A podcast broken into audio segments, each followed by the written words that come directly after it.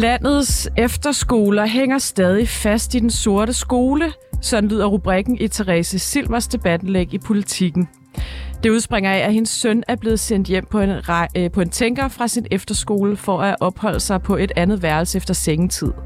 En form for bortvisning i en periode. I dag er det nemlig sådan, at en efterskole kan sende en elev hjem på en tænker, hvis de har forbrudt sig mod skolens regler op til flere gange.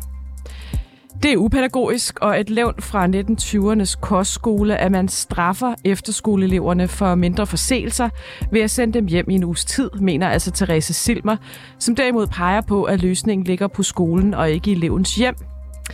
Men er tænkepauser for efterskoleelever i virkeligheden forældet pædagogik, eller taler erfaringen bare for det modsatte? Vi spørger en forstander og en nuværende efterskoleelev i dagens udgave af rapporterne. Mit navn er Sanne Fanø.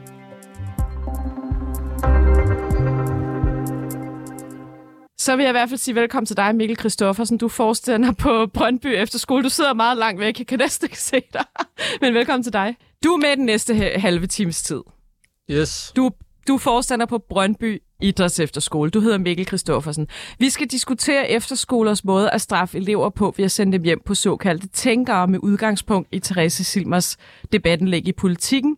Hun kalder metoden gammeldags, og øh, hun siger, at hendes søn blev altså sendt hjem på sådan en tænker. Vi har interviewet Therese Silmer for at høre, hvorfor hun har skrevet debattenlægget. Hør med her. Jamen, det har jeg, fordi at øh, jeg tænkte, først var det for mig selv, at jeg tænkte, nej, det er da helt uretfærdigt, at man bliver hjemsendt på noget, som, ja, selvfølgelig er forkert at være på en værelse på et forkert tidspunkt, men øh, så er det heller ikke værre. Altså, hvorfor skal man gå glip af en uges undervisning? Øh, især lige op til terminsprøver, det er sådan en anden ting. Men så også jo mere jeg sådan hørt øh, venner, bekendte, forskellige, øh, som havde oplevet noget tilsvarende, hvor jeg tænkte, nej, det er jo helt absurd. Altså, jeg ikke drive efterskole på den der kæft retning måde, og så bare øh, score stats øh, tilskud, og så øh, at jeg har nemlig også hørt andre, hvor så har efterskolerne glemt at, og ligesom meddele, at okay, vi, vi skal selvfølgelig nok, øh, vi ved godt, at vi ikke er berettiget til tilskud, vi betaler tilbage det fortæller de jo kun, hvis man, altså det var jo først, da jeg sagde det efter noget tid, sådan, øh, altså jeg har altså heller ikke lyst til, at jeg vil ikke betale, når I sender min søn væk. Men hvis han nu ikke skulle være sendt væk, hvad, hvad skulle han så? Altså sådan, hvad havde du Jamen, så i tankerne? Altså, det må ikke misforstå, fordi jeg har jo ikke den der øh, rundbordspædagogiske indstilling, at vi sætter os ned, og så siger vi ligesom, at det var også forkert, og det må du ikke. Vil du ikke godt lade være, siger man til den unge, som så gør det, det den person ikke må, igen og igen og igen, og det har ikke nogen konsekvenser. Det er jeg ikke tilhænger af overhovedet. Men jeg er tilhænger af, at man løser tingene på skolen, og som der også står efterskoleforeningens anbefaling til en tænker, at det er unge, sårbare mennesker, der skal danne deres identitet og danne en modenhed og en evne til ikke at reagere impulsivt osv. osv. Og derfor skal det med en tænker være yderste nødstilfælde, og kun som de skriver, hvis eleven ikke er, er, øh, har lyst til at ændre adfærd. Yes. Og desværre havde han som ny elev gjort noget tilsvarende tre måneder tidligere. Ja. Øhm, og det lyder jo rimelig harmløst, sådan som du forklarer det, men du skriver i Elsit også, at han har jo egentlig brudt nogle rimelig klare regler to gange på tre måneder ja. som ny elev. Øhm, hvad er problemet så i, at det fører til en tænker? Problemet er, og det, altså, det er jo, at ja, det er en gentagen overtrædelse, men det er jo ikke en gentagen øh, voldsom overtrædelse. Vi snakker ikke lovbrud, vi snakker ikke tyveri, vi snakker ikke herværk eller endnu værre vold. Eller, så kunne jeg forstå det, også for at skåne de andre elever. Hvis det vil sige, at der var en elev, der var voldelig, jamen, så er man altså nødt til at tænke på de andre elever først og fremmest, øh, i stedet for pædagogik og hvad det måtte være. Det her, altså jeg har det sådan lidt, det er forkert, men det kunne jo også være, at en person, for eksempel min søn, har svært ved, øh, hvis man har en ADHD-diagnose, så kan man have svært ved at overholde tider, tider øh, så, så er det jo ikke ond vilje. Øh, hvis han ikke får kigget på uret, eller han er grebet af en samtale med en, med en, med en af dem, han bor sammen med naboværelset, og snakker med den person, øh, og der ikke er noget, nogen ond mening bag. Altså, han lærer jo intet ved så at blive sendt øh, 400 km væk i en uge, og altså kan se alle de andre øh, fortsætter deres skolegang, og så sidder han på sit værelse hjemme hos os øh, i huset alene. Jamen jeg tænker, jeg synes, at tænkeren er vel egentlig, at man skal ligesom hjem og selvreflektere og tage en snak med sine forældre om, hvad det er, man har brudt sig mod, og hvad det er, man kan gøre bedre til næste gang, så man ligesom jo, undgår at bryde sig med reglerne igen. Ja, Men det undgår man jo ikke ved at sende nogen væk. Altså, det, det kan jeg ikke øh, tro, at der er evidens for, at, at hvis øh, forskning viser, at gør unge mennesker noget forkert, så sender man væk en uge i helt andre omgivelser, i fuldstændig andre sammenhæng, så skal det nok hjælpe på de problemer, der måtte være det sted, de er bortsendt fra. Det tvivler jeg stærkt på. Det skal være noget, der kan løses på skolen, medmindre vi taler lovbrud. Medmindre Men... vi taler store ting, som er ja, Men det kan jo også godt være, de har, altså i og med, at han ligesom har gjort det før, så har de jo forsøgt at løse det på skolen. Jamen, jeg kan øhm... sige det, om han så gjorde det syv gange, så synes jeg stadig, at han skulle blive der. Og velkommen tilbage i studiet. Nu har vi fået, øh, nu er vi fuldtallige. vi har altså gæsterne her i dag, som er Taja Husum, og du er efterskoleelev på Langeland Efterskole. Velkommen til dig. Tak. Så har vi Mikkel Kristoffersen, som altså er forstander på Brøndby Idræts Efterskole. Yes, ja. tak skal du Godt. Øh, lad mig starte med dig, Mikkel Kristoffersen. Synes du, det er forkert, at efterskoleelever bliver sendt hjem på tænker? Nej. Nej? Du skal måske også lige forklare, hvad, hvad går det ud på, når I gør det? Jamen, når vi gør det, så, øh, så er det jo som regel et spørgsmål om, at der har ligget et, øh, et forløb, en dialog med eleven og forældrene, familien øh, til eleven øh, over noget tid. Og øh, hvis, vi ikke, øh, hvis vi ikke kan se andre, øh, andre øh, muligheder for at få, øh, få, få rettet tingene ind, sådan så det passer ind under vores, øh, vores rammer, så, øh, så ser jeg ikke øh, noget til hinder for at, øh, at gøre brug af en, af en tænkepause. Og tænkepausen kan for så vidt være øh, for, for elevens skyld, men det kan også nogle gange være for min skyld, for lige at give mig noget tid til at tænke over, hvordan gør vi egentlig det her, hvis vi skal nå i mål sammen. Men nu hører vi jo så her fra Therese Silver, der er mor til en søn med ADHD, der har, har, har prøvet at blive sendt hjem en uges tid, var det, at han et, en lørdag aften har siddet et kvarter over sengetid hos en naboværelse, hos en kammerat. Han har så en gang tidligere, tre måneder før, gjort, kom til at gøre det samme. Hun siger, at det er lidt svært for ham at styre det med tider. Er det ikke en lidt, altså skal der ikke være noget proportionalitet i det? Er det ikke en lidt voldsom sanktion at blive sendt hjem en hel uge for det? Og selvfølgelig er, er det, er det, kan der være noget voldsomt i at sende en elev væk fra skolen, væk fra det fællesskab, som, som vedkommende i første omgang søgt imod. Øhm, jeg, jeg, skal ikke, jeg skal ikke sidde her og gå ind i detaljen omkring øh, situationen, der har været på den efterskole, øh, som der blev beskrevet her, fordi ja, dem kender jeg ikke. Øhm, men, øh, Vil du have gjort det samme i, i den her situation? Jamen, som sagt, så, så kan der jo, der kan jo være alle mulige øh, diskussioner og, og drøftelser forud for, at man gør det her, øh, som jeg ikke kender til. Øh, jeg kan godt øh, forholde mig til, hvis det, er, hvis det er to enkeltstående tilfælde, uden der har været dialog eller noget, så vil jeg, så vil jeg ikke gøre det sådan der.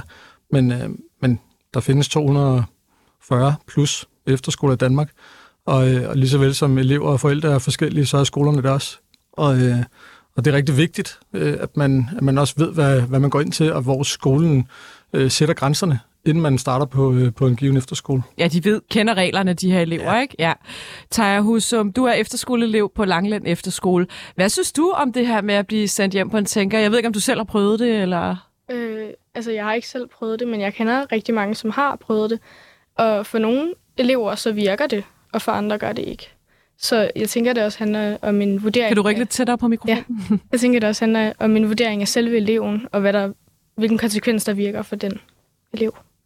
Så nu hører du her moren øh, sige, at det er udluk, udelukker øh, fra fællesskabet. Tænker du, man kunne tage nogle andre metoder i brug, for eksempel, end at sende en... Han blev sendt hjem lige inden en terminsprøve. Det synes hun også er et problem, når han, han skulle læse op til eksamen og sådan noget. Ja. Synes du, at man skulle have taget, i det her øh, eksempel, taget nogle andre midler i brug? Ja, altså lige i den her situation, synes jeg, øh, at det er en fejlvurdering af konsekvens, for det er for det første op til terminsprøverne, og så er det kun to gange, han har været øh, på netterand. Jeg kender ikke situationen, men jeg synes godt, man kunne have givet ham en ekstra køkkenchance, som hun også skriver i debatindlægget, øh, eller noget andet. Hvad, hvad, hvad skal der egentlig til på jeres efterskole, Mikkel Christoffersen, for at elever bliver sendt hjem? Øhm, bare lige for at sige, det er jo en, en skarp pointe, som du har, øh, Tej, fordi øh, det, det, det oftest handler om for mig, det er at have gjort mig et grundigt forarbejde, inden jeg drager den konklusion, at nogen skal sendes hjem på en tænkepause. Der kan ligge alt muligt øh, forud for det. Øh, det bliver også beskrevet i debatindlægget her, at, øh, at øh, der kan være noget med en elev med en diagnose eller nogle særlige behov, og der skal man selvfølgelig også tage hensyn til det. Der kan være nogle ting i forhold til, at det er før en terminsprøve, øh, men, men men i bund og grund så handler det om, at man er noget så, så grundigt i sine overvejelser i, i det sted, jeg sidder. Fordi, øh, fordi der er en masse ting at tage hensyn til, når det er unge mennesker, og det er et, et, øh, kan være et, et sårbart tidspunkt på, i ens liv. Øhm, I forhold til, til, til min skole, så, øhm, så det er sådan, det er meget svært at sætte det på en formel, fordi øh, øh, der kan ligge en masse snakke, noget dialog med eleven, med familien, med hele elevgruppen, øh, forud for, øh, for at tage sådan en beslutning her. Og øh, i, i bund og grund, så for os handler det om, at vi har, vi har en, en, en proces, som vi ligesom går igennem, som involverer elev og kontaktlærer. Senere hen, så kan man så involvere forældrene også, hvis, hvis tingene stadigvæk øh, øh, ikke passer ind under vores rammer, kan man sige. I sidste ende, så er det også at sidde til et møde med mig og med forældre og kontaktlærer osv., inden at jeg går, tager fat i, i, i tænkepausen. Så der ligger altså, og de samtaler, der kan jo være mange samtaler undervejs. Så det er ikke bare noget, I lige gør? Altså, Nej, det er det bestemt ikke. Du siger jo, det minder lidt om 19, 1920'ernes kostskole. Altså, i folkeskolen i gamle dage havde man også eftersidning. Det tror jeg faktisk ikke, man bruger i folkeskolen længere. Øh, så man kan sige, det er måske lidt et levn fra den gang. Eller hvad synes du, Taja? Nej, jeg synes, altså, jeg synes stadig, man burde bruge tænker, for det virker, men jeg synes heller ikke, at det er noget, der skal bruges altid. Så hvad, altså når, ja, bare for at forstå, hvordan når man begynder som efterskoleelev, I ved godt, hvad reglerne er. Ja. Hvorfor tror du så, at der er så mange, der bryder dem? Vi hører jo om det her ske tit. ja, det, det ved jeg ikke. Hvis I kender reglerne? Ja, altså, øh, det kommer, jeg ved det ikke. Man er jo ung. man vil prøve nogle ting, og det er ikke altid de ting, følger reglerne. Hej. Therese Silber har jo skrevet det her indlæg, fordi hendes søn skulle hjem en uge efter at have lavet natterand to gange og have været ude efter sengetid ifølge skolens regler. Vi spurgte hende, hvilken betydning det har haft for hendes søn at blive sendt hjem. I kan lige høre med her. Øh, ikke nogen betydning i forhold til, altså jeg vil heller ikke øh, forvente, at han forstod, fordi jeg kan stadig ikke selv, jeg kan ikke hjælpe ham med at forstå, at han har gjort noget forkert, forkert, forkert andet end generelt. Altså han er jo lovlydig, selvfølgelig er han det, øh, dreng, og øh, han ved godt, at man skal være øh, en del af fællesskab, så skal man også følge nogle regler. Så den forstår han, men det forstod han jo også inden. Det her har jo ikke været noget, han sidder og tænkt, hmm, der er en regel, man skal være på sit værelse klokken det. Nå, men det er jeg da ligeglad med, ha, ha, ha. Det vil jeg da lige vise ved, at jeg, næ, næ, et ung menneske, der er i god snak med en værelseskammerat, og som måske ikke lige kigger på uret, det er jo ikke af ond vilje. Han lærer det ikke af at blive sendt nok så mange gange hjem til, øh, sit barndomshjem. Altså, det gør han jo ikke. Men har, har han lidt nogen form for overlast over det, eller sådan været altså, reflekteret over det? han er blevet ked af det. Nu har han det sådan, øh, øh, tænker jeg, det kan jeg jo ikke vide, men mit indtryk er, at han har øh, fint nok selvværd og glad dreng, og på den måde, så, øh, men, men han var da trist, og han synes, det var ærgerligt, hans, at de skulle have øh, et eller andet han elsker noget øh, ja, bestemt musik, som der, der, skulle de, der, var, der skulle være noget koncert, men hans, hans han var væk. Øh, og vi, vi forældre synes jo, det var rigtig ærgerligt, at det var lige op til terminsprøverne, fordi der har været pænt meget øh, mistet skolegang i forvejen med coronaårene, og altså, så det synes jeg, da, det, det er da også en af grundene til, at vi valgte efterskole, det, så kunne man samle op på det, hvad skal man sige, det tabte for folkeskolen, ikke?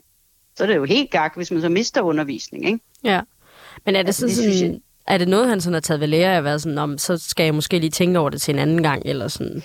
Mm, Ja, men ikke mere, end han kunne tage ved lære, hvis de havde sagt, ved du hvad, du, det, i weekenden her, de næste par weekender, hvor du er hjemme, der skal haven herude have en tur, og, og, og efter aftensmaden, der skal du lige uh, skure køkkenskabe og øh, vaske gulvene og sådan noget. Det, han havde da lært mindst lige så meget.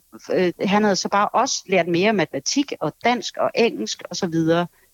Øh, så det er det, jeg mener. Det er det, altså også fra et fagligt synspunkt. Jeg forstår ikke, hvis børne- og undervisningsministeriet ikke griber ind over for det her tænkerfænomen, så ved jeg ikke, hvem der skulle gøre det. Ja, Mikkel Christoffersen, lad os måske tage fat i det, hun siger her. Altså, man, der er også noget fagligt, og både, altså selvfølgelig også et fællesskab, man går glip af. Kunne man ikke gøre det på en anden måde? Der er der masser af metoder til at få folk til at reflektere over den her situation på. Der er rigtig mange måder, og det er måske også en af mine øh, øh, hovedargumenter i det her, det er, at øh, som jeg sagde før, der er 240 og lidt til, tror jeg, efterskoler i Danmark, og, og være med deres øh, værdibegreb og, og, øh, og formulerede øh, målsætninger osv. Så, så, så, øh, så noget af det, som jeg tror, der er rigtig vigtigt, når man står i sådan en situation her, og, og måske er det for sent allerede, men, men, øh, men det er at se på, hvad er det for en skole, jeg, øh, jeg gerne vil sende mit barn hen på. Øh, jeg på det før, at, øh, at for nogen vil det give god mening, og de får noget ud af at, at blive sendt hjem på men en Men du gør det jo ikke i folkeskolen. Du ser jo ikke, at det sker i 9. og 10. klasse i almindelige folkeskoler. Nej, men, men det her det er jo også de frie skoler, og der, der er altså forskel. Øhm, der er den Øh, kæmpe stor forskel, at i, i folkeskolen, der skal alle være der. Og, øh, og du kan ikke bare blive kølet ud øh, på efterskoler, frie skoler. Der skal, øh, der skal du altså komme med en vis motivation for at være der. Og hvis du ikke øh, har den og, og fastholder den undervejs, så, øh, så, så, så skal du ikke være en del af det, hvis du ikke har lyst til at, at være med på de, øh, de rammer, som er blevet sat op på den enkelte skole. Og det, det, det er faktisk det, der er min pointe, det er, at, at der ligger noget, du kan sikkert sige noget om det, tager i forhold til det her med at, at gøre sit forarbejde, inden man starter på en efterskole. For det er ret vigtigt, at man er med på, hvad er det, den her skole, den kan, som jeg synes er fedt.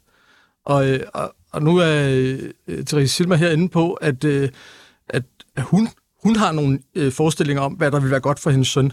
Det kunne være interessant at høre en søn, hvad, han, hvad hans incitament for at tage på efterskolen det var, og hvad havde han gjort så af forestillinger om, hvordan det skulle være.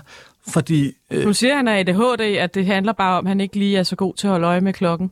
Og så er det jo rimelig vigtigt at have den dialog med skolen allerede inden man bliver optaget, i forhold til, og hvad, hvad gør vi så, hvis, øh, hvis, hvis den her diagnose, eller hvad det måtte være, øh, konflikter med jeres rammer?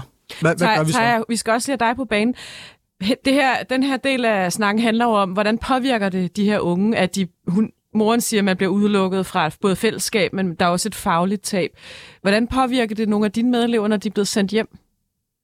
Øhm, altså, jeg har en ven, som blev sendt hjem, fordi hun brød en af reglerne, og hun savnede virkelig at være på efterskolen i den tid, hun var hjemme, så jeg ved, hun ikke har tænkt sig at gøre det, hun gjorde igen. Men jeg har også nogle venner, som der blev sendt hjem på tænker, og de fandt bare en anden måde at bryde reglerne på, hvor de ikke blev, altså, det ikke blev lagt mærke til. Så altså, man bliver ekskluderet fra fællesskabet, men man lærer også af det. Og det er jo rigtig vigtigt, fordi at en efterskole har nogle regler, som man skal følge, og man kan lide det eller ej. Ser du det øh, ligesom moren her som en ekstrem straf, eller som sådan en eller anden form for levn for 1920'ernes kostskole? Øhm, altså i den her situation synes jeg, det er lidt ekstremt. Det er nok ikke noget, jeg selv vil gøre, men jeg er jo heller ikke forstander for en efterskole. Øhm, men som altså, generelt tænker, synes jeg egentlig er et fint koncept. Har du selv brudt nogle regler på din efterskole? Det har jeg. Hvad har det haft af konsekvens? Altså, jeg har været på netterand en del gange, og de gange, hvor jeg er blevet opdaget, der har vi haft en snak om det. Øhm, men de vidste også godt, at jeg ikke er typen, som der lader det gå ud over andre. Så har jeg siddet stille, eller øh, andre ting. Så altså, du har også fået nogle konsekvenser, men det har bare ikke været den her? Ja, der er blevet skrevet hjem, og det er ikke sjovt. Øhm, og der, vi har haft en alvorlig snak, men jeg er ikke blevet sendt hjem på tænker. Men hvorfor har du egentlig brudt reglerne, når du kendte dem, da du øh, startede på efterskolen? Fordi det havde jeg lyst til.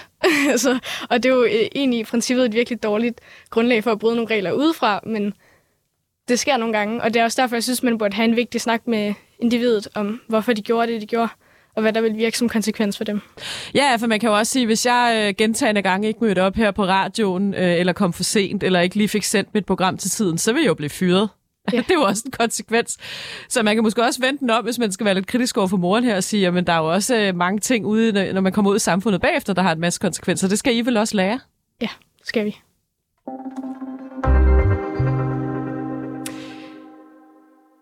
Man får ikke bare lov til at kritisere, hvis man ikke har et bedre forslag. Så vi spurgte altså også Therese Silmer, hvad hun egentlig mener, man bør gøre, i stedet for at sende elever hjem på en tænker. Jamen, igen vil jeg sige, rengøring, jeg tror ikke, der er særlig mange unge mennesker, der vil synes, det var fantastisk at skulle øh, rengøre køkkener fuldstændig ned. Øh, hvor tit får de lige, som jeg sagde før, tømme køkkenskabene og rense ned, øh, renset ovne.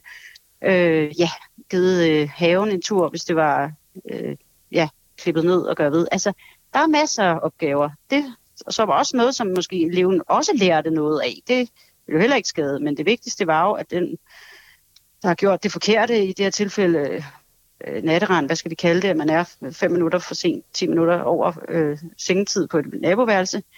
Den person ville så se, okay, det var lidt surt, at jeg skulle stå hver dag en uge øh, efter aftensmaden, når de andre bare kunne hygge sig, så skulle jeg stå og vaske ovnen osv. Så, videre. så øh, bestemt øh, konsekvens er en god ting, men konsekvens fuldstændig med bind for øjnene er en rigtig skidt ting. Og så hvis, man nu, hvis det nu var, at han har jo gjort det her to gange, mm-hmm. øhm, hvis det nu var, at det var sådan noget, han var oppe på syv gange, hvor de ligesom havde taget fat i ham og få, taget ham i det og været sådan, marker, nu, øh, nu går den altså ikke længere, og sådan mm-hmm. har taget samtalen, og ligesom så havde sendt ham hjem på en tænker derefter, sådan, vil det så have været fint nok i dine øjne at gøre det der? Måske. Altså som jeg siger, jeg er modstander af fænomenet en tænker, øh, og vi har at gøre, som igen efter for skolen, foreningen skriver på deres hjemmeside, med unge mennesker, som er under dannelse. Og hvad er der at dannelse i at blive sendt væk? Nej, øh, jeg synes, man skal drive efterskole på en måde, hvor folk skal selvfølgelig følge reglerne, og dem, der ikke gør det, de skal bortsendes, ja, hvis det er til fare for andre eller dem selv. Men ellers må man løse det på stedet. Så, så nej, jeg synes faktisk ikke, man skulle hjem på en tænker, fordi man syv gange, så kan man sige, så er man måske ikke for, for kvik som barn eller efterskoleelev, hvis man ikke forstår syvende gang, at det har altså en konsekvens. Eller også er man bare meget, meget glad for at skure køkkenskabe. Lad os sige det sådan. Altså, du har jo også de der 120 mennesker, som kommer fra vidt forskellige lag og vidt forskellige yes. familier, og alt sådan det der med, at man skal forsøge at finde et eller andet fundament til, at de kan holde sammen. Og der så er nogle ja. enkelte, der ligesom bryder, men det er også bare simpelthen, det kan være det mindste, altså de der mindre forseelser, som du siger. Altså, hvis, vi, hvis de ved af erfaring, jamen vi ved, at de der elever, vi sender hjem på en ting, at de kommer tilbage som nogle andre mennesker, ligesom at lære at forstå, hvorfor at de skal bryde jo, reglerne. Måske, eller man kunne sige sådan, det kunne jo også være, jeg tænker på, at nogen af dem, der kommer på efterskole, jeg siger ikke det alle, men nogen, de kommer måske også af en grund, at der er lidt brug for en pause hjemmefra, ikke? så er det måske ikke fedt, hvis de kommer hjem i tid og utid, eller, eller de kommer hjem til en familie, hvor der er sygdom, eller whatever, skilsmisse, eller et eller andet. Øh, så man kunne måske også sige, okay, vi har altid en tænker som en mulighed, men det kan også være, at man laver en, hvad skal man sige, pædagogisk weekend, hvor barnet øh, eller andet. Vi får nogle snakker om, hvorfor de skal følge reglerne, og så skal de lave nogle praktiske ting, som er til gavn for efterskolen og fællesskabet, ikke? Ja, Taja Husum, øh, tror du egentlig, at der er bedre løsninger end tænker? Altså nu foreslår moren her en masse forskellige muligheder. Jeg tror, der er andre løsninger øh, end tænker, men jeg vil ikke sige, at de er bedre nødvendigvis. Altså, jeg har lige så lidt lyst til at ryge hjem på tænker, som jeg har lyst til at gøre toiletterne rent på en af gangene på vores efterskole, men det betyder ikke nødvendigvis, at det virker. Altså, det kan jeg gøre utallige gange. Men så kunne du stadig være sammen med dine venner og, og følge undervisningen? Det er rigtigt. Og det er jo noget, jeg virkelig godt vil, men hvis det er en person, som man ved ikke følger reglerne og gør det utallige gange, og bare ikke rigtig lytter, selvom de siger, at de gør, så nogle gange, så skal man altså også give dem en ordentlig konsekvens for det. Og Mikkel Christoffersen, hvorfor ikke bare øh, sætte den til at skrubbe skabe, tage nogle samtaler, lave en pædagogisk weekend? Ja, der er jo masser af forslag her i stedet for. Jamen, altså, jeg, er jo, jeg, jeg sidder jo ikke her for at forsvare øh, det, der er beskrevet i, i debattenlægget fra, øh, fra Therese Silmer, øh, og, og har i virkeligheden ikke øh, en masse kommentarer til det, fordi der kan ligge alt muligt til det, som jeg ikke er bekendt med. Øh, jeg kan konstatere, at vi øh, hos os gør brug af noget af det, som, som vi også snakker om her. Øh, om det så er fejl blade, eller gøre toiletter rent, eller hvad vi er. Og det er jo netop det, som, som mit argument også er, at ud fra den, den enkelte elev, der, der prøver vi ligesom at finde ud af, hvad, hvor, hvor, hvor vil vi ramme bedst på at forstå, hvordan man bliver en del af det her fællesskab, som vi gerne vil, vil facilitere. Ikke? Så har du nogle konkrete eksempler på, øh, hvad der skal til på jeres skole, for at nogen bliver sendt hjem på en tænker? Jamen, øh, det, Hvor mange gange skal det for eksempel være, at man har lavet natterand? Ja, men det, det, det, det, nej, det har jeg ikke. Øh, men jeg kan, jeg kan som eksempel sige, at hvis man øh, ikke kommer op til tiden og møder ind til morgenmaden sammen med alle de andre, så, øh, så ligger der en, en, en samtale med kontaktlæreren, og, og det kan godt være, at man ender med at have fire af dem, før forældrene bliver involveret. Øh, men, men, men det er det, der for os er at, at, øh, at behandle alle øh, forskelligt ved at, eller lige ved at behandle dem forskelligt ud fra, ud fra deres forudsætninger. Taja Husum, hvis vi også lige skal tale lidt om Therese Silmer her, og at hun har skrevet det her debatlæg. Synes du nogle gange, at forældre blander sig for meget? Altså skal de egentlig blande sig lidt mere udenom, og så kan I selv finde ud af det med, med sammen med skolen? Altså nu tænker jeg på det her med, at hun går ind og har en holdning til, hvordan efterskolerne skal agere. Øh, jeg synes ikke, hun blander sig for meget. Altså, hun er forældre til en af eleverne på efterskolen, og derfor har hun også en holdning til det, der sker for hendes barn som går på efterskolen. Øhm, men jeg synes også, at man burde have lidt tillid til, at øh, lærerne og forstanderen ved, hvad de laver. Og så kan man altid komme med eksempler på, øh, på ting, man kunne forbedre. og dig, Mikkel Christoffersen, du har jo erfaring med forældresamarbejde. Er der nogle forældre, der blander sig lidt for meget?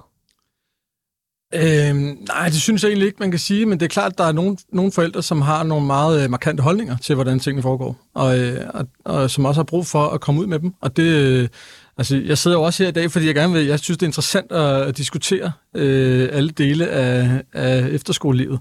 Øh, så, så, så der er nogen, der, der vi hører mere fra end andre. Det, det er der ikke nogen tvivl om. Men, øh, men jeg synes, det er interessant at høre, hvor, hvor man har sit, øh, sit perspektiv henne, og, og så nogle gange, så kan det godt være, at det bliver meget ud fra mit, mit barns øh, gørn og laden, men, øh, men det er fint, det tager vi med. Jamen, øh, tak fordi I kom her i øh, juleferien, er det vel egentlig øh, Mikkel Kristoffersen, som er forstander på Brøndby Idrætsefterskole, og Tager Husum, som er elev på Langeland Efterskole. Og det var altså Therese Silmer, der har skrevet debatlægget Politikken, og Karoline Fodgaard Hansen, der havde lavet interview med hende. Du har lyttet til reporterne på 24 /7. Hvis du kunne lide programmet, så gå ind og tryk abonner på din foretrukne podcasttjeneste, eller lyt med live mellem 15 og 16 på 24 /7. Tips kan altid sendes på reporternesnablag247.dk.